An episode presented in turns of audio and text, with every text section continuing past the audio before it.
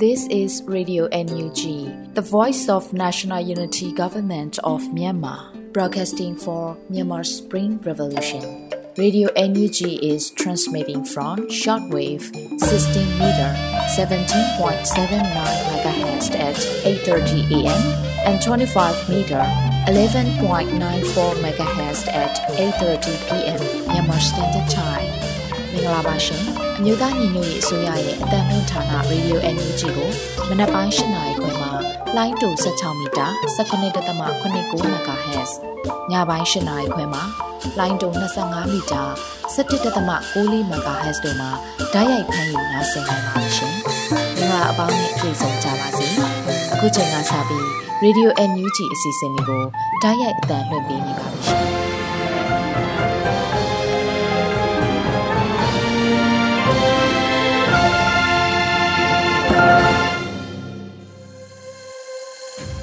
မြန်မာနိုင်ငံသူနိုင်ငံသားအပေါင်းတဘာဝပေးဆရာနာရှင်ပြီးတို့ကနေကင်းဝေးပြီးကိုစိတ်နှပါဘေးကင်းလုံခြုံကြပါစေလို့ရေဒီယိုညူးချီဖွယ်သားများကဆုတောင်းမြတ်တာပို့သလာရပါတယ်ရှင်။အခုချိန်ကစပြီးပြည်တွင်းသတင်းတွေကိုတော့ရန်နိုင်မှဖတ်ကြားတင်ပြပေးပါတော့မယ်ရှင်။ရေဒီယို NUG ပြည်သက်များမင်္ဂလာပါခင်ဗျာ။ခုချိန်ကစပြီး2023ခုနှစ်ဒီဇင်ဘာလ25ရက်နေ့ညပိုင်းပြည်တွင်းသတင်းများကိုကျွန်တော်ရန်နိုင်ကတင်ဆက်ပေးပါတော့မယ်။ ပထမဆုံးသတင်းအနေနဲ့အရတော်နဲ့နောင်ကြီးအိုင်စကန်ကိုတိုက်ခိုက်သိမ်းပိုက်ရမှာစစ်ကောင်စီတပ်ဖွဲ့ဝင်18ဦးသေဆုံးခဲ့တဲ့ဆိုတဲ့သတင်းကိုတင်ဆက်ပေးပါမယ်။စကိုင်းတိုင်းအရတော်မြို့နယ်မှာရှိတဲ့နောင်ကြီးအိုင်ရဲစကန်ကိုပြည်သူ့ကာကွယ်ပူးပေါင်းဖွဲ့ကတိုက်ခိုက်သိမ်းပိုက်ခဲ့ရမှာစစ်ကောင်စီဘက်က18ဦးသေဆုံးသွားတယ်လို့အမျိုးသားညီညွတ်ရေးဆိုရ NUG ကာကွယ်ဝန်ကြီးဌာနကဒီဇင်ဘာလ25ရက်မှာထုတ်ပြန်လိုက်ပါတယ်။အကြမ်းဖက်စစ်ကောင်စီတပ်ဖွဲ့ဝင်32ဦးတပ်ဆွဲထားတဲ့နောင်ကြီးအိုင်ရဲစကန်ကို ပြည်သူ့ကာကွယ်ရေးပူးပေါင်းဖွဲ့တွေဒီဇင်ဘာလ2ရက်ကပိတ်ဆို့ပြီးနေရောညပါတိုက်ခိုက်ခဲ့တာလို့သိရပါတယ်။တိုက်ပွဲမှာအကြမ်းဖက်စစ်ကောင်စီဘက်က18ဦးသေဆုံးသွားပြီးတဲ့နောက်ဒီဇင်ဘာလ23ရက်နေ့မှာစစ်ကောင်စီတပ်ဖွဲ့ဝင်တွေဟာစခန်းကိုစွန့်ခွာထွက်ပြေးသွားကြတယ်လို့ NUG ကာကွယ်ဝန်ကြီးဌာနကအသိပေးထားပါတယ်။စစ်ကောင်စီဘက်ကစခန်းစွန့်ခွာထွက်ပြေးသွားတာကြောင့်ပြည်သူ့ကာကွယ်ရေးပူးပေါင်းဖွဲ့ကဝင်ရောက်ရှင်းလင်းပြီးစခန်းကိုမိရှို့ဖျက်ဆီးလိုက်တယ်လို့သိရပါတယ်။ အရတော်နယ်နောင်ကြီးရန်ရဲစခန်းမှာတက်ဆွဲထားတဲ့အကြမ်းဖက်စစ်ကောင်စီတပ်ဖွဲ့ဝင်တွေနဲ့ရဲတပ်ဖွဲ့ဝင်တွေဟာစက်တင်ဘာလ10ရက်နေ့ကစပြီးဂျေရွာတွေကိုမိရှို့ဖျက်ဆီးတာပြည်သူလူထုကိုဖမ်းဆီးတပ်ဖြတ်တာဒေသနေပြည်သူလူထုပိုင်းပစ္စည်းတွေကိုခိုးယူတာတွေလှုပ်ဆောင်နေတဲ့အတွက်ပြည်သူလူထုကိုဘေးလွတ်ရာရွှေ့ပြောင်းစေပြီးပိတ်ဆို့တိုက်ခိုက်ခဲ့တာလို့ NUG ကာဝဲဝန်ကြီးဌာနထုတ်ပြန်ချက်မှာဖော်ပြထားပါတယ်။အဲ့ဒီတိုက်ခိုက်မှုကိုအရတော်မြို့နယ်ပကဖ တိုက်နယ်1234569ခွန်တာဝန်ခံများနဲ့ရဲဘော်များပြည်သူ့ကာကွယ်ရေးတပ်မတော် PDF ဘုံရွာခရိုင်တပ်ရင်း6တပ်ရင်း18တပ်ရင်း19တပ်ရင်း24တပ်ရင်း26ကရဲဘော်တွေစုပေါင်းတိုက်ခိုက်ခဲ့တာလို့သိရှိရပါတယ်ခင်ဗျာအခုတခါတိုင်းပြည်နယ်ပြည်သူအတွက်စွမ်းတလောက်အထိအမြဲစ조사မယ်လို့ NUG လူခွင့်ရေးဆိုင်ရာဝန်ကြီးပြောကြားတဲ့သတင်းကိုတင်ဆက်ပေးကြပါမယ်။ တိုင်းပြည်နဲ့ပြည်သူအတွက်စွမ်းသလောက်အထိအမြဲစူးစမ်းမယ်လို့ NUG လူခွင့်ရေးဆိုင်ရာဝန်ကြီးဦးအောင်မျိုးမင်းကဆိုရှယ်မီဒီယာကတဆင့်အတိပေးဆိုထားပါတယ်။စွမ်းသလောက်အထိအမြဲစူးစမ်းလျက်အမည်အတွက်မဟုတ်တိုင်းပြည်နဲ့ပြည်သူအတွက်အတ္တအတွက်မဟုတ်ခံယူချက်နဲ့တိတ်ခါအတွက်လို့ဝန်ကြီးကဆိုပါတယ်။လက်ရှိမှာအမျိုးသားညီညွတ်ရေးအစိုးရလူခွင့်ရေးဆိုင်ရာဝန်ကြီးဌာနဟာစကားဆရဲ့လူခွင့်ရေးချိုးဖောက်မှုများနဲ့စစ်ရာဇဝတ်ကျူးလွန်မှုများကို နိုင်ငံတကာတရားရုံးများမှာတရားစွဲဆိုအရေးယူနိုင်ရေးဆောင်ရွက်လျက်ရှိပါတယ်ခင်ဗျာအခုတခါမြောင်ဦးမှာစစ်ကောင်စီကအရက်သားများကိုပြစ်ခတ်တိုက်ခိုက်မှုကြောင့်ဒေသခံ3ဦးသေဆုံးက9ဦးဒဏ်ရာရရှိခဲ့ပြီး10ဦးခန့်ဖမ်းဆီးခံရတယ်ဆိုတဲ့သတင်းကိုလည်းတင်ဆက်ပေးပါောင်းမယ်ရခိုင်ပြည်နယ်မြောက်ဦးမြို့နယ်တွင်စစ်ကောင်စီတပ်ကအရက်သားပြည်သူများကိုပြစ်မှတ်ထားတိုက်ခိုက်ခဲ့တာကြောင့်ဒေသခံအရက်သား3ဦးသေဆုံးက 9ဦးတန်ရရှိခဲ့ပြီး10ဦးခန့်ဖမ်းဆီးခံခဲ့ရတယ်လို့မြောက်ပိုင်းမဟာမိတ်၃ဘွဲ့ကထုတ်ပြန်လိုက်ပါတယ်။ခရစ်စမတ်အကြိုဖြစ်တဲ့ဒီဇင်ဘာလ24ရက်နေ့တိုက်ပွဲသတင်းများဖော်ပြရမှာရခိုင်ဒေသစစ်ရေးအခြေအနေကိုအခုလိုပဲထည့်သွင်းဖော်ပြလိုက်တာဖြစ်ပါတယ်။မြောက်ဦးမြို့နယ်ငွေတောင်ပေါက်တရားရှိစစ်ကောင်စီလက်အောက်ခံငွေတောင်ပေါက်ရဲစခန်းနဲ့သူတော်မတောင်စစ်ကောင်စီစခန်းကိုရခိုင်တပ်တော် AA ကတိုက်ခိုက်ခဲ့ရမှာ စစ်ကောင်စီဘက်ကရသပြည်သူတွေကိုလက်နက်ကြီးတွေနဲ့ရည်ရွယ်ချက်ရှိရှိပြစ်ခတ်မှုတွေလုပ်ခဲ့တာလို့လည်းအသိပေးထားပါတယ်။မြောက်ဦးမြို့ခြေဆိုင်စစ်ကောင်စီလက်အောက်ခံခမာယ940နဲ့ခမာယ389တပ်တို့ကမြောက်ဦးမြို့နဲ့အနီးအနားမှာရှိတဲ့ကြေးရွာတွေကိုလက်နက်ကြီးနဲ့အကြိမ်တရာခန့်ပစ်ခတ်ခဲ့တာကြောင့်စင်ချားစိတ်ရက်ကွက်မှအမျိုးသား3ဦးသေဆုံးကအမျိုးသား2ဦးနဲ့အမျိုးသမီး2ဦးဒဏ်ရာရရှိခဲ့သလိုရွာဟောင်းတော်ကြေးရွာတွင်လက်နက်ကြီးကြီးနှလုံးကြားရောက်ပောက်ကွဲခဲ့တာကြောင့် အမျိုးသားတဦးဒဏ်ရာရရှိခဲ့တယ်လို့သိရပါတယ်။ဒါ့အပြင်အကြမ်းဖက်စစ်တပ်ကပစ်ခတ်တဲ့လက်နက်ကြီးကြီးတွေကြောင့်မြောက်ဦးမြို့ပေါ်ကနေအိမ်အချို့ပျက်စီးခဲ့တယ်လို့လည်းဖော်ပြထားပါတယ်။အလားတူစစ်ကောင်စီလက်အောက်ခံခလာရ389တပ်ကလည်းမြောက်ဦးမြို့အောင်မင်္ဂလာရက်ကွက်ကလရန်တောင်ပိုင်းကအရက်သား6ဦးကိုဖမ်းဆီးခဲ့ပြီးညနေပိုင်းမှာလည်းဗန္ဒူလာရက်ကွက်ကဒေသခံ3ဦးကိုထပ်မံဖမ်းဆီးခေါ်ဆောင်သွားတယ်လို့အသိပေးထားပါတယ်။ဒီဇင်ဘာလ23ရက်နေ့ကလည်း ဘူးသီးတောင်မြို့အမှတ်9ရက်ကွက်ကဒေသခံ2ဦးကိုဖမ်းဆီးသွားပြီးလက်စွပ်ငွေကျပ်3သိန်းနဲ့ဓာတ်စီဘူးကိုလူယူသွားတယ်လို့သိရပါတယ်။စစ်ကောင်စီတပ်တွေဟာစိတ်သက်ယိုယွင်းပျက်စီးနေပြီးတိုက်ရီခိုက်ရီကြာဆင်းနေတာကြောင့်ပြည်သူလူထုကိုပြစ်မှတ်ထားတိုက်ခိုက်နေတာဖြစ်တယ်လို့ညီတော်မဟာမိတ်သုံးဘွဲကပြောပါတယ်။အခုလိုစစ်ကောင်စီတပ်တွေကအယက်သားပြည်သူတွေကိုရည်ရွယ်ချက်ရှိရှိဥတီတိုက်ခိုက်တာတွေပိုများလာတာကြောင့်စစ်ရေးသတိနဲ့နေထိုင်သွားလာကြဖို့ကိုလည်းညီတော်မဟာမိတ်သုံးဘွဲက သတိပေးထားပါတယ်ခင်ဗျာ။ဆက်လက်ပြီးတမိုင်းလန်းဆောင်ရှိစစ်ကောင်စီဘန်ကာကိုရန်ကုန် UG ဖောက်ခွဲတိုက်ခိုက်ခဲ့တဲ့ဆိုတဲ့သတင်းကိုတင်ဆက်ပေးကြပါမယ်။ရန်ကုန်မြို့မြန်ကုန်မြို့နယ်တမိုင်းလန်းဆောင်မှာရှိတဲ့စစ်ကောင်စီဘန်ကာကိုဖောက်ခွဲတိုက်ခိုက်ခဲ့တယ်လို့ Myanmar People Revolution Army ရန်ကုန် UG ဖွဲ့ကအတိပေးထုတ်ပြန်လိုက်ပါတယ်။ဒီဇင်ဘာလ24ရက်ည8နာရီကျော်အချိန်ကခရစ်စမတ်အကြိုဖြစ် တမိုင်းလန်းဆောင်မီးပွိုင်မှာရှိတဲ့စစ်ကောင်စီစခန်းကိုတိုက်ခိုက်ခဲ့ရမှာဘုံအုံပြုတိုက်ခိုက်ခဲ့တာဖြစ်တဲ့အတွက်ထိခိုက်သေးဆုံးမှုရှိနိုင်တယ်လို့လည်းအသိပေးထားပါတယ်။အဲ့ဒီဘုံခွဲတိုက်ခိုက်မှုမှာအကြမ်းဖက်စစ်ကောင်စီတပ်ဖွဲ့ဝင်3ဦးသေဆုံးသွားတယ်လို့သတင်းတွေထွက်ပေါ်နေပေမဲ့ဖောက်ခွဲမှုပြုလုပ်ခဲ့တဲ့ Myanmar People Revolution Army ရန်ကုန် UG ဖွဲ့ကတော့စုံစမ်းနေသေးပဲလို့ပြောပါတယ်။ Myanmar People Revolution Army ရန်ကုန် UG ဖွဲ့အနေနဲ့ စစ်အာဏာရှင်စနစ်အမြင့်ပြတ်တဲ့အထိတိုက်ပွဲဝင်သွားမှာဖြစ်တယ်လို့ဂရီးသစ္စာပြုကြောင်းအသိပေးထုတ်ပြန်ထားပါတယ်။ခရစ်စမတ်အကြိုညဖြစ်တဲ့ဒီဇင်ဘာလ24ရက်နေ့ညပိုင်းမှာရန်ကုန်မြောက်တကုံမြို့နယ်မှာရှိတဲ့ကျောင်းလန်းနဲ့တာဂီရာမြို့နယ်ကဝါရာဘွန်အနီးမှာလည်းပောက်ကွဲမှုတွေဖြစ်ခဲ့တယ်လို့သိရှိရပါတယ်ခင်ဗျာအခုတခါရေဒါရှင်မြို့နယ်မှာ PDF ပူးပေါင်းတပ်နဲ့တိုက်ပွဲဖြစ်ပြီးစစ်ကောင်စီဘက်က၈ဦးသေဆုံးခဲ့တဲ့ဆိုတဲ့သတင်းကိုလည်းတင်ဆက်ပေးပါောင်းမယ် ပဲခူးတိုင်းတောင်ငူခရိုင်ရေဒါရှင်မြို့နယ်ကဲလင်းစိတ်ကျေးရွာနီမှာစစ်ကောင်စီတပ်နဲ့ထိတွေ့တိုက်ပွဲဖြစ်ပွားခဲ့ပြီးစစ်ကောင်စီဘက်က၈ဦးသေဆုံးခဲ့တယ်လို့ဘဝနီစစ်ကြောင်းတောင်ရှိသူတို့ကဆိုပါတယ်ဒီဇင်ဘာလ24ရက်နေ့မနက်9:43မိနစ်အချိန်ခန့်ကကဲလင်းစိတ်ကျေးရွာနီကို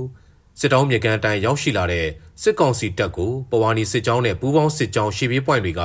ကဲလင်းစိတ်ကျေးရွာထိပ်ကနေပြီးစောင့်ကြိုတိုက်ခိုက်ခဲ့တာဖြစ်တယ်လို့သိရပါတယ်။တိုက်ပွဲချိန်ကမိနစ်20ခန့်ကြာပါတယ်။ စစ်ကောင်စီတပ်အင်အားက53ယောက်ပါ။စစ်ကောင်စီဘက်ကစစ်ကြောင်းဆုတ်ပြီးပြန်ထိုးလာစေချေနေပါလို့ပဝါနီစစ်ကြောင်းတောင်ရှိသူတို့က People's Spring Media ကိုဖြေဆိုထားပါတယ်။အဆိုပါတိုက်ပွဲတွင်စစ်ကောင်စီဘက်က9ဦးတိုက်ပွဲတွင်သေဆုံးခဲ့ပြီးဒဏ်ရာရသူ3ဦးကိုပြန်သည်သွားစဉ်လမ်းမှာထပ်မံသေဆုံးခဲ့တာကြောင့်စုစုပေါင်း10ဦးသေဆုံးခဲ့ပြီးအခြားဒဏ်ရာရသူများလည်းရှိတယ်လို့၎င်းကဆိုပါတယ်။စစ်ကောင်စီစစ်ကြောင်းဟာဗိုလ်တဲစုကြီးရွာကတဆင့်တောင်သာကြီးရွာဘက်ကိုချက်ချင်းပြန်ဆုတ်သွားပြီး တိုက်ပွဲပြီးဆုံးပြီးတဲ့နောက်နယ်မြေရှင်းလင်းရေးလှုပ်ဆောင်ခဲ့ရမှာကြီးအချို့နဲ့စစ်သုံးဆောင်ပစ္စည်းများသိမ်းဆည်းရရှိခဲ့တယ်လို့ဘဝနီစစ်ကြောင်းကအသိပေးထားပါတယ်။ယခုတိုက်ပွဲကိုဘဝနီစစ်ကြောင်းနဲ့ဂေဂူစစ်ကြောင်းတို့ကပူးပေါင်းတိုက်ခိုက်ခဲ့တာဖြစ်ပြီးပူးပေါင်းတပ်ဖွဲ့ဘက်ကတစုံတရာအထိခိုက်မရှိဘဲအောင်မြင်စွာတိုက်ခိုက်နိုင်ခဲ့တယ်လို့သိရှိရပါတယ်ခင်ဗျာဆလဘီ ABSDF ခေါင်းဆောင်များနဲ့နိုင်ငံတကာရောက်ရဲဘော်ဟောင်းများတွေ့ဆုံနေဆိုတဲ့သတင်းကိုလည်းတင်ဆက်ပေးပါဦးမယ် မြန်မာနိုင်ငံလုံးဆိုင်ရာအကြောင်းသားများဒီမိုကရက်တစ်တပ်ဦး ABSDF ဘိုးကော်မတီဝင်များနဲ့နိုင်ငံတကာရောက် ABSDF ရဲဘော်ဟောင်းများတွေ့ဆုံဆွေးနွေးခဲ့တယ်လို့ ABSDF ကသတင်းထုတ်ပြန်ထားပါတယ်။ဒီဇင်ဘာလ24ရက်နေ့က ABSDF ဗဟိုအလုံးမှုဆောင်ကော်မတီဝင်များနိုင်ငံတကာရေးရာမဟာမိတ်ရေးရာတာဝန်ရှိဗဟိုကော်မတီဝင်များနဲ့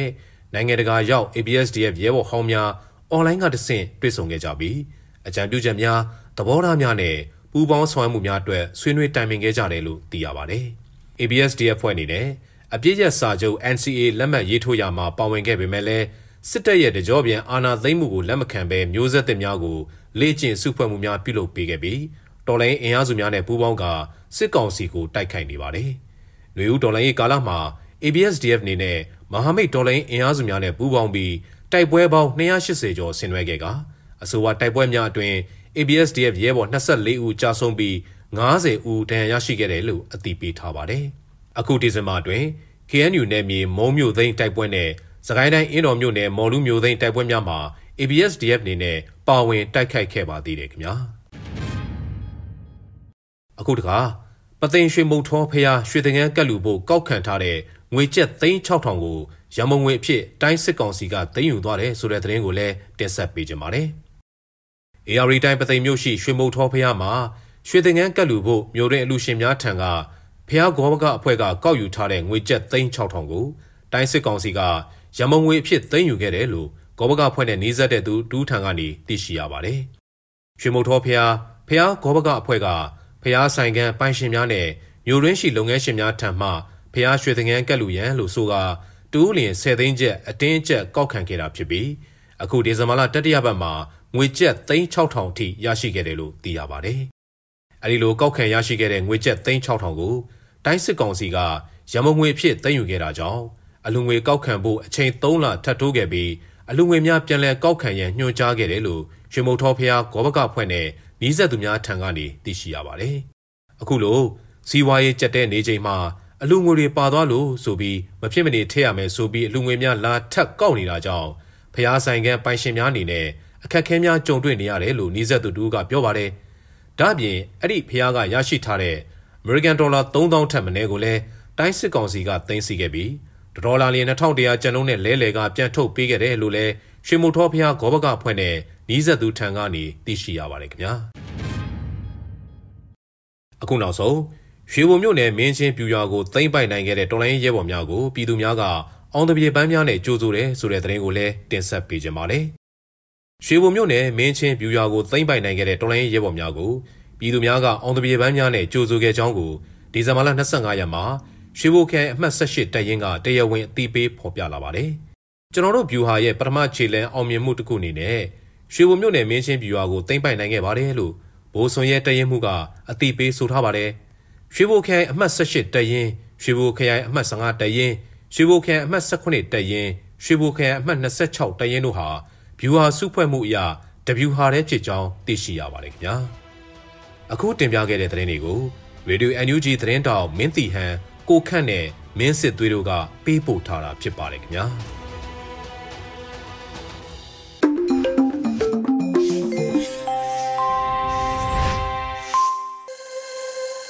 ဗီဒီယိုညူချီရဲ့ညပိုင်းစီစဉ်တွေကိုဆက်လက်တင်ပြနေပါတယ်။ အခုဆက်လက်ပြီးနားဆင်ကြရမှာကတော့တော်လန်ရေးကဗျအနေနဲ့စေတရေးသားပြီးလွတ်လပ်နေဦးရွတ်ဖက်ထားတဲ့လူကြိုက်များတဲ့လက်ဖက်ရည်လို့အမည်ရတဲ့တော်လန်ရေးကဗျကိုနားဆင်ကြရတော့မှာဖြစ်ပါတယ်ရှင်။လူကြိုက်များတဲ့လက်ဖက်ရည်ပြဿနာကနေကောင်းလားကစတာပဲပုံမှန်ပဲလားလက်ဖက်ရည်ဆိုင်စပွဲတို့ကမေးတယ်ဦးနေတိုင်းတောက်နေကြလက်ဖက်ရည်ကပေါ့စိန်လေ အဲ့ဒါဥရဲ့ပုံမှန်ပဲတကယ်တော့လက်ဖက်ရည်ဆိုင်တွေကအရင်လိုပုံမှန်မဟုတ်တော့ဘူးဆိုင်သွင်းပြင်းတွေဆိုင်ဖွဲ့စည်းပုံတွေကအစပြောင်းလဲကုန်ပြီပုံမှန်လက်ဖက်ရည်ကလည်းပုံမှန်မဟုတ်တော့ဘူးလက်ဖက်ရည်ဆိုင်10ဆိုင်ရှိရင် ပုံမှန်လက်ဖက်ရည်10မျိုးထွက်တယ်ဟုတ်တယ်ကျွန်တော်ထိုင်နေတဲ့လက်ဖက်ရည်ဆိုင်ကိုကပုံမှန်မဟုတ်တော့ဘူးကျွန်တော်နေတဲ့မြို့က ပုံမှန်မဟုတ်တော့ဘူးကျွန်တော်စီးတဲ့ဘတ်စကားကပုံမှန်မဟုတ်တော့ဘူးဒီဘက်မီးပွိုင်ကမီးနီနေတော့ဟိုဘက်လမ်းစုံကမီးစိမ့်နေပြီကျွန်တော်ဖတ်နေတဲ့မဂ္ဂဇင်းကပုံမှန်မဟုတ်တော့ဘူးကျွန်တော်အထင်တကြီးတလေးတစားရှိတဲ့စာရေးဆရာကြီးကပုံမှန်မဟုတ်တော့ဘူးကျွန်တော်ကြည့်နေကြပကြီးကားတစ်ချက်ကစပုံမှန်မဟုတ်တော့ဘူးပုံပြင်တစ်ပုတ် တချင်းတစ်ပုတ်ဝတ္ထုတစ်ပုတ်ကြပြတစ်ပုတ်ဆိုရှယ်စာအုပ်ပုံမှန်မဟုတ်တော့တာတွေများနေပြီကျွန်တော်တိုက်တဲ့သွားတိုက်ဆေးကပုံမှန်မဟုတ်တော့ဘူးကျွန်တော်စီးပွားရေးကပုံမှန်မဟုတ်တော့ဘူးဟိုလေလူမှုရေးကျန်းမာရေးအစစအရာရာပါပဲကျွန်တော်မိတ်ဆွေတချို့ကပုံမှန်မဟုတ်တော့ဘူးဒါပေမဲ့ ရန်သူကတော့ပပုံမှန်ပဲ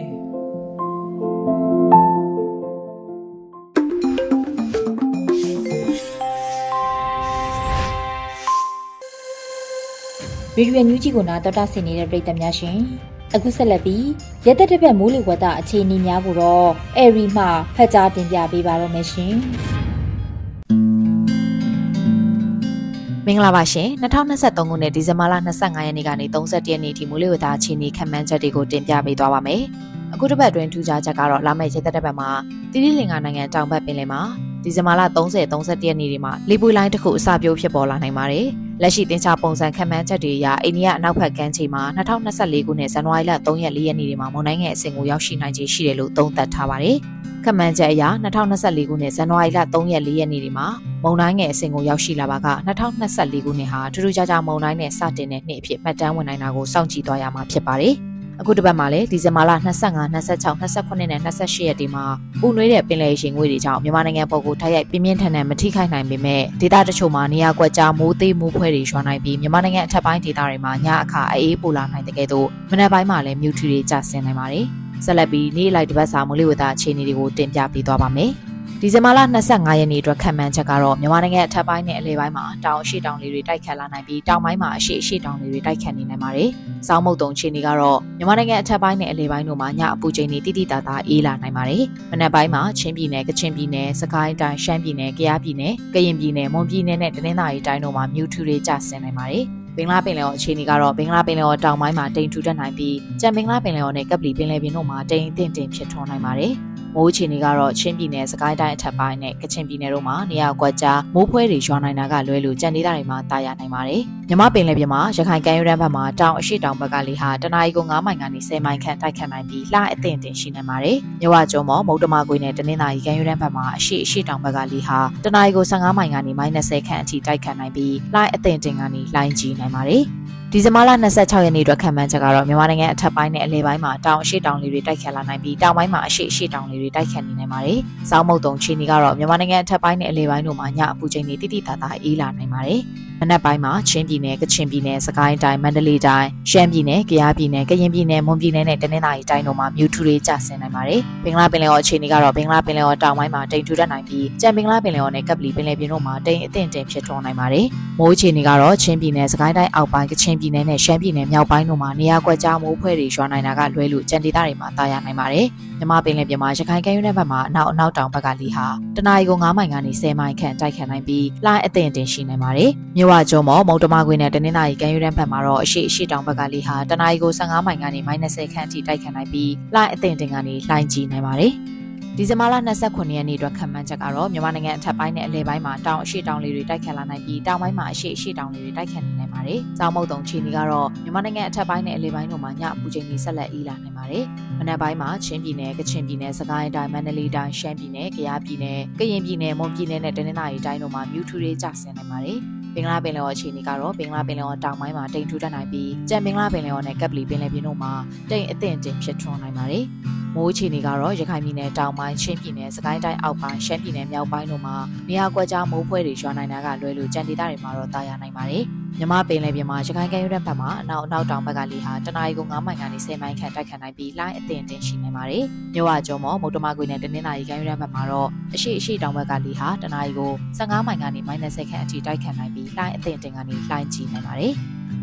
ဒီဇင်ဘာလ28ရက်နေ့အတွက်ခံမှန်းချက်ကတော့မြန်မာနိုင်ငံအထက်ပိုင်းနဲ့အလယ်ပိုင်းမှာတောင်အရှိတောင်တွေတိုက်ခတ်လာနိုင်ပြီးတောင်ပိုင်းမှာအရှိအရှိတောင်တွေတိုက်ခတ်နေနိုင်ပါတယ်။စောင်းမုတ်တုံချီနီကတော့မြန်မာနိုင်ငံအထက်ပိုင်းနဲ့အလယ်ပိုင်းတို့မှာညအပူချိန်တွေဆက်လက်အေးလာနိုင်ပါတယ်။အနက်ပိုင်းမှာချင်းပြည်နယ်၊ကချင်ပြည်နယ်၊စကိုင်းတိုင်း၊မန္တလေးတိုင်း၊ရှမ်းပြည်နယ်၊ကယားပြည်နယ်၊ကရင်ပြည်နယ်၊မွန်ပြည်နယ်နဲ့တနင်္သာရီတိုင်းတို့မှာမြူထူတွေကျဆင်းနိုင်ပါတယ်။ဘင်္ဂလားပင်လယ်ော်အခြေအနေကတော့ဘင်္ဂလားပင်လယ်ော်တောင်ပိုင်းမှာတိမ်ထူတတ်နိုင်ပြီးကြံဘင်္ဂလားပင်လယ်ော်နဲ့ကပလီပင်လယ်ပြင်တို့မှာတိမ်အထင်တင်ဖြစ်ထွန်းနိုင်ပါတယ်။မိုးအခြေအနေကတော့ရခိုင်ပြည်နယ်တောင်ပိုင်းနဲ့ရှမ်းပြည်နယ်မြောက်ပိုင်းတို့မှာနေရာကွက်ကြားမိုးဖွဲတွေရွာနိုင်တာကလွဲလို့ကြံဒေသတွေမှာတာယာနိုင်ပါတယ်။မြမပင်လယ်ပြင်မှာရခိုင်ကမ်းရိုးတန်းဘက်မှာတောင်အရှိတောင်ဘက်ကလေဟာတနအီကို9မိုင်ကနေ10မိုင်ခန့်တိုက်ခတ်နိုင်ပြီးလှိုင်းအသင့်တင်ရှိနိုင်ပါတယ်။မြဝကျော်မော်မုတ်တမခွေနဲ့တနင်္သာရီကမ်းရိုးတန်းဘက်မှာတော့အရှိအရှိတောင်ဘက်ကလေဟာတနအီကို15မိုင်ကနေမိုင်20ခန့်အထိတိုက်ခတ်နိုင်ပြီးလှိုင်းအသင့်တင်ကနေလှိုင်းကြီးနိုင်ပါတယ်။ ဒီဇင်ဘာလ29ရက်နေ့အတွက်ခံမှန်းချက်ကတော့မြန်မာနိုင်ငံအထက်ပိုင်းနဲ့အလယ်ပိုင်းမှာအရှိအရှိတောင်တွေတိုက်ခတ်လာနိုင်ပြီးတောင်ပိုင်းမှာအရှိလေတွေတိုက်ခတ်နေနိုင်ပါတယ်။စောင်းမုတ်တုံခြေနေကတော့မြန်မာနိုင်ငံအထက်ပိုင်းနဲ့အလယ်ပိုင်းတို့မှာညအပူချိန်တွေဆက်လက်အေးလာနိုင်ပါတယ်။မနက်ပိုင်းမှာချင်းပြည်နယ်ကချင်ပြည်နယ်စကိုင်းတိုင်းမန္တလေးတိုင်းရှမ်းပြည်နယ်ကယားပြည်နယ်ကရင်ပြည်နယ်မွန်ပြည်နယ်နဲ့တနင်္သာရီတိုင်းတို့မှာမြူထူတွေကျဆင်းနိုင်ပါတယ်။ဘင်္ဂလားပင်လယ်ော်အခြေအနေမှာဘင်္ဂလားပင်လယ်ော်တောင်ပိုင်းမှာတိမ်ထူထပ်နိုင်ပြီးကြံဘင်္ဂလားပင်လယ်ော်နဲ့ကပ်ပလီပင်လယ်ပြင်တို့မှာတိမ်အထင်တင်ဖြစ်ထွန်းနိုင်ပါတယ်။မိုးအခြေအနေကတော့တပီလုံးမှာတာယာနိုင်ပါတယ်။ မြမပင်လယ်ပြင်မှာရခိုင်ကမ်းရိုးတန်းဘက်မှာတောင်အနောက်တောင်ဘက်ကလေဟာတနအီကို9မိုင်ကနေ10မိုင်ခန့်တိုက်ခတ်နိုင်ပြီးလှိုင်းအသင့်တင်ရှိနေပါတယ်။မြဝကျုံမော်မုတ်တမကွေးနဲ့တနင်္သာရီကမ်းရိုးတန်းဘက်မှာအရှိအရှိတောင်ဘက်ကလေဟာတနအီကို15မိုင်ကနေမိုင်20ခန့်အထိတိုက်ခတ်နိုင်ပြီးလှိုင်းအသင့်တင်ကနေလှိုင်းကြီးနိုင်ပါတယ်။ဒီဇင်ဘာလ30ရက်နေ့အတွက်ခံမှန်းချက်ကတော့မြန်မာနိုင်ငံအထက်ပိုင်းနဲ့အလယ်ပိုင်းမှာအရှိအရှိတောင်တွေတိုက်ခတ်လာနိုင်ပြီးတောင်ပိုင်းမှာအရှိလေတွေတိုက်ခတ်နေနိုင်ပါတယ်။စောင်းမုတ်တုံချီနေကတော့မြန်မာနိုင်ငံအထက်ပိုင်းနဲ့အလယ်ပိုင်းတို့မှာညပူချိန်တွေဆက်လက်အေးလာနိုင်ပါတယ်။ မနက်ပိုင်းမှာချင်းပြည်နယ်၊ကချင်ပြည်နယ်၊စကိုင်းတိုင်း၊မန္တလေးတိုင်း၊ရှမ်းပြည်နယ်၊ကယားပြည်နယ်၊ကရင်ပြည်နယ်၊မွန်ပြည်နယ်နဲ့တနင်္သာရီတိုင်းတို့မှာမြူထူတွေကျဆင်းနိုင်ပါတယ်။ဘင်္ဂလားပင်လယ်ော်အခြေအနေကတော့ဘင်္ဂလားပင်လယ်ော်တောင်ပိုင်းမှာတိမ်ထူတတ်နိုင်ပြီးကြံဘင်္ဂလားပင်လယ်ော်နဲ့ကပ်ပလီပင်လယ်ပြင်တို့မှာတိမ်အထင်တင်ဖြစ်ထွန်းနိုင်ပါတယ်။ထူးခြားချက်ကတော့သီရိလင်္ကာနိုင်ငံတောင်ဘက်ပင်လယ်မှာလေပွေလိုင်းတစ်ခုအစပြုတ်ဖြစ်ပေါ်လာနိုင်ပါတယ်။လက်ရှိခံမှန်းချက်တွေအရအိန္ဒိယနိုင်ငံအနောက်ဘက်ကမ်းခြေမှာ2024ခုနှစ်ဇန်နဝါရီလ3ရက်4ရက်နေ့ဒီမှာမုန်တိုင်းငယ်အဆင့်ကိုရောက်ရှိနိုင်ခြေရှိတယ်လို့သုံးသပ်ထားပါတယ်။ မိုးချေနေကတော့တနင်္သာရီတိုင်းမှာမိုးဖွဲအနှဲငယ်ရွာနိုင်တာကလွဲလို့ကြံတပြည်လုံးမှာသာယာနိုင်ပါတယ်။မြမပင်လယ်ပြင်မှာရခိုင်ကမ်းရိုးတန်းဘက်မှာတောင်နောက်တောင်ဘက်ကလေဟာတနအီကို9မိုင်ကနေ10မိုင်ခန့်တိုက်ခတ်နိုင်ပြီးလိုင်းအသင်တင်ရှိနိုင်ပါတယ်။မြဝကျုံမော်မုတ်တမကွေနဲ့တနင်္သာရီကမ်းရိုးတန်းဘက်မှာတော့အရှိအရှိတောင်ဘက်ကလေဟာတနအီကို15မိုင်ကနေ -30 ခန့်အထိတိုက်ခတ်နိုင်ပြီးလိုင်းအသင်တင်ကနေလိုင်းကြီးနိုင်ပါတယ်။ ဒီဇင်ဘာလ31ရက်နေ့အတွက်ခံမှန်းချက်ကတော့မြန်မာနိုင်ငံအထက်ပိုင်းနဲ့အလယ်ပိုင်းမှာအရှိအရှိတောင်တွေတိုက်ခတ်လာနိုင်ပြီးတောင်ပိုင်းမှာအရှိလေတွေတိုက်ခတ်နေနိုင်ပါတယ်။စောင်းမုတ်တုံအခြေအနေကတော့မြန်မာနိုင်ငံအထက်ပိုင်းနဲ့အလယ်ပိုင်းတို့မှာညအပူချိန်တွေဆက်လက်အေးလာနိုင်ပါတယ်။ မနက်ပိုင်းမှာချင်းပြည်နယ်၊ကချင်ပြည်နယ်၊စကိုင်းတိုင်း၊မန္တလေးတိုင်း၊ရှမ်းပြည်နယ်၊ကယားပြည်နယ်၊ကရင်ပြည်နယ်၊မွန်ပြည်နယ်နဲ့တနင်္သာရီတိုင်းတို့မှာမြူထူတွေကျဆင်းနိုင်ပါတယ်။ဘင်္ဂလားပင်လယ်ော်အခြေအနေကတော့ဘင်္ဂလားပင်လယ်ော်တောင်ပိုင်းမှာတိမ်ထူတတ်နိုင်ပြီးကြံဘင်္ဂလားပင်လယ်ော်နဲ့ကပ်ပလီပင်လယ်ပြင်တို့မှာတိမ်အထင်တင်ဖြစ်ထွန်းနိုင်ပါတယ်။ထူးခြားချက်ကတော့သီရိလင်္ကာနိုင်ငံတောင်ဘက်ပင်လယ်မှာလေပွေလိုင်းတစ်ခုအစာပြိုးဖြစ်ပေါ်လာနိုင်ပါတယ်။လက်ရှိခန့်မှန်းချက်တွေအရ2024ခုနှစ်ဇန်နဝါရီလ3ရက်နေ့နဲ့4ရက်နေ့တွေမှာမုန်တိုင်းငယ်အဆင့်ကိုရောက်ရှိလာပါက2024ခုနှစ်ဟာထူးထူးခြားခြားမုန်တိုင်းနဲ့စတင်တဲ့နှစ်အဖြစ်နဲ့မှတ်တမ်းဝင်နိုင်တယ်လို့သုံးသပ်ရပါတယ်။မိုးချီနေကတော့တနင်္သာရီတိုင်းမှာမိုးဖွဲအနှဲငယ်ရွာနိုင်တာကလွယ်လို့ကြံတပြည်လုံးမှာတာယာနိုင်ပါတယ်။မြမပင်လယ်ပြင်မှာရခိုင်ကမ်းရိုးတန်းဘက်မှာတောင်အနောက်တောင်ဘက်ကလီဟာတနအီကို9မိုင်ကနေ10မိုင်ခန့်တိုက်ခတ်နိုင်ပြီးလှိုင်းအသင့်တင်ရှိနေပါတယ်။မြဝကျော်မော်မုတ်တမကွေနဲ့တနင်္သာရီကမ်းရိုးတန်းဘက်မှာအရှိအရှိတောင်ဘက်ကလီဟာတနအီကို15မိုင်ကနေ -30 ခန့်အထိတိုက်ခတ်နိုင်ပြီးလှိုင်းအသင့်တင်ကနေလှိုင်းကြီးနိုင်ပါတယ်။ မြန်မာပြည်သူတရက်လုံးရှိမှန်းချက်တွေအောင်မြင်ပြေဝတဲ့2024ခုနှစ်နှစ်သစ်ကိုရောက်ရှိနိုင်ကြပါစေကြောင်းလူသားချင်းစာနာထောက်ထားရေးနဲ့ဘေးရန်ရဲ့ဆိုင်ရာစီမံခန့်ခွဲရေးဝန်ကြီးဌာနကနှစ်သစ်စုမုံအောင်တောင်းရင်ရသက်တပတ်မူလဝတ္တအခြေအနေတွေကိုထုတ်ပြန်ထားပါတယ်ရှင်။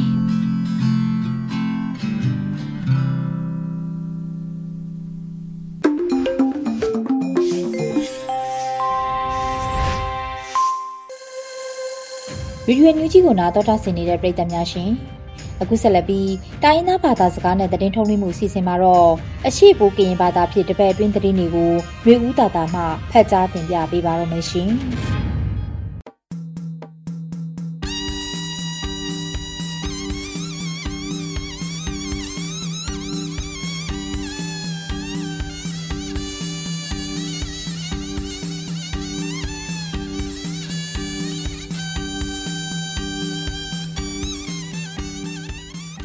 အော်ဂျွန်လာဆိုင်အကယိုရေဒီယိုအန်ယူဂျီကိုလနွေထောင်ပန်စကဲကေတောင်းအကိုင်ကျုံတလဖာနော်မလို့ပလောထောင်ပါဖလုံမှုထောင်ပြတာစကိုင်းနော်စီလောယေနွေဦးတတလောချက်ပလန်အနိုင်လက်နော်ဘီတောက်ပယောင်လောလအီမဆိုင်ဘူးတို့အန်ယူဂျီအစိုးရကိုစလဲနော်အီမချမဆိုင်ဘူးဒီကောင်းမရနော်အလူဒူအဝိဒါယိုကပကဝွန်ဒုခုကလမဝင်းခိုင်တန်လောဝိဒါချက်ပလန် ဒီဇင်ဘာနိုင်ချစ်တဲ့တောင်ကကောင်းမရကိုင်ဝန်တူလောင်တောင်အတာဩစာတန်မကြီးကောင်းမရကိုစလဲတီရုပ်အကုတ်တွေချတဲ့နော်စတားကုတ်ကိုဝန်တူခုကလမဝင်ခိုင်တန်လောဝိတာစီလောအန်ယူဂျီအဆူရတီတိကောက်အကိုင်ဆာမျက်နာစတားအကိုင်ဆာမျက်နာတနမအကိုင်ဆာမျက်နာဗန်ဒါရေးဆာမျက်နာလဖာတာအာနာဩစာစနိယိုပြီလောလန်ပါတို့အန်ယူဂျီအဆူရကိုစလဲနော်အမချမဆိုင်ဖို့တို့ဒီခေါမညာခောအလူတူအဝိတာစီလောပမချမလဖာ တိကောင်ပခေါပယောင်အကိုင်အကျုံနော်အချင်းကဆိုင်ဖို့တို့ဟွန်ဒူလောင်ထောင်းတော့ဒီမဘာလောထိုင်ချက်ကိုင်လူဝိတာနော်လောဝိတာစီလောအခုကျုံခေါမညာအတုံးအလွယ်ဒီချက်ဆက်ဆန်ရဲ့အကြီးပြီးမောတို့လူဝိတာအခုကျုံ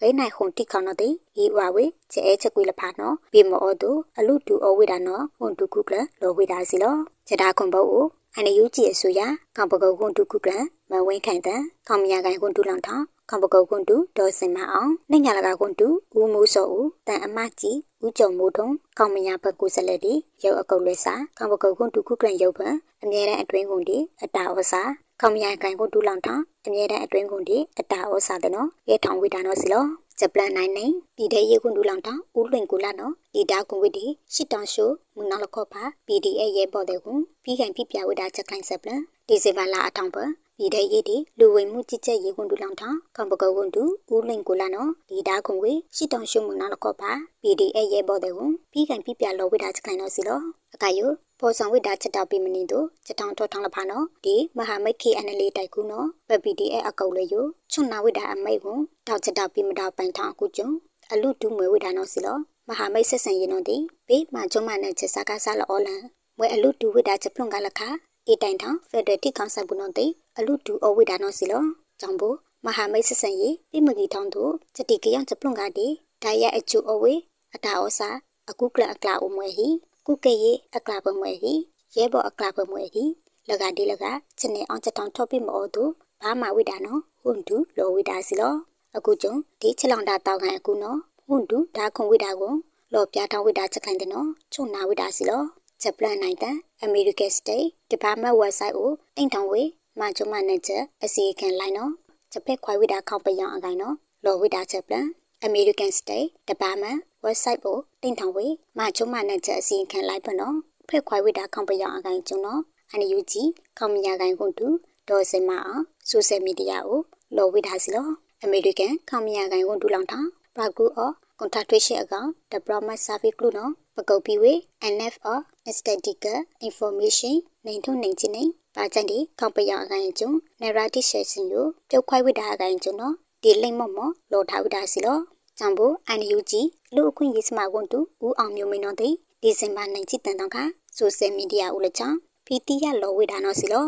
American State Department website ကိုတိန့်ထောင်ဝေ မကျုံမနဲ့ချက်အစီအခံလိုက်ဖွင့်ကိုဖက်ခွိုင်ဝိတာခေါင်ပရအကိုင်ကျုံကိုအစီအခံလိုက်ဖွင့်ကို PDF ဒီစပူ LDF ကနာမကျုံမနဲ့ချက်မထလန့်ချက်အော်ဝိတာနော်ကီထောက်ထောင်ဝိတာကိုမကျုံမနဲ့ချက်တာအကုတ်လွယ်မနဲ့ချက်လဖာနော်ကီထောက်ထောင်ဝိတာလောချက်ဝေဖန်အော်ဝိတာနော်လော်ဝိတာစီလောချက်ပလန်လောင်ကိုင်ထောင်နော် KNU ဒုတတုခရနော်ခရန်အချာပရိုစဖူတာရဲ့အကုတ်လွယ် KNPA ပတော်ဝိတာချက်အကုန်းဆက်ပလန် KNU ဖလိုစုဖို့အတုံးအလွယ် ကောတူလိချလောင်တာဒုတတုခရိုင်ပြီးလိမ့်တော့ကနော်နော်နေတော့နေချစ်တဲ့နေဒီစင်မနေချစ်နေချစ်နေတာအထောင်ပန်ခရိုင်အခုကလန်ဒီခရိုင်အချောင်းဖလိုစုဖို့ရဲ့အကုတ်လဲတိုက်ကူဝိတာကွန်ခရိုင်အပန်ဖလိုစုဖို့ရဲ့အကုတ်လဲ KNPF Karen National Party for ကလောချက်ပိုက်ချမှာကြောအကုံယပတော်လောင်ဝိတာတန်တောင်းတော်စီလောကြောအကုံယ KNU ဒုတတုခရိုင်ချစ်နေမလောင်ထောင်းပါကွန်ကလဲကွန်ကောတူလိရေလောင်ထောင်းတော့အဝိထားလပပတော်လောင်ဝိတာကွန်ကြောအကုံယ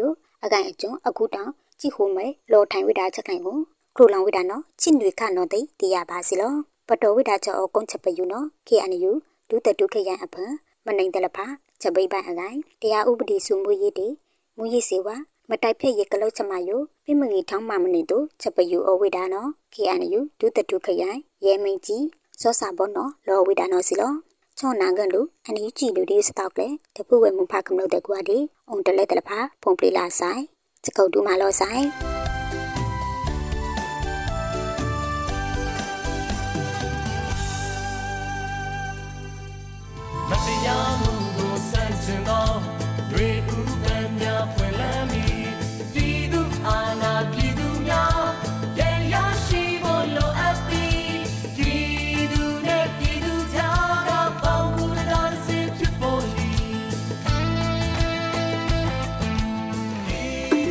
ဒီကနေ့ကတော့ဒီညနဲ့ပဲ Radio NUG ရဲ့အစီအစဉ်လေးကိုခਿੱတရနာလိုက်ပါမယ်ရှင်။မြန်မာစံတော်ချိန်မနက်၈နာရီခွဲနဲ့ည၈နာရီခွဲအချိန်တွေမှာပြန်လည်ဆုံတွေ့ကြပါစို့။ Radio NUG ကိုမနက်ပိုင်း၈နာရီခွဲမှာလိုင်းတူ16မီတာ17.8 MHz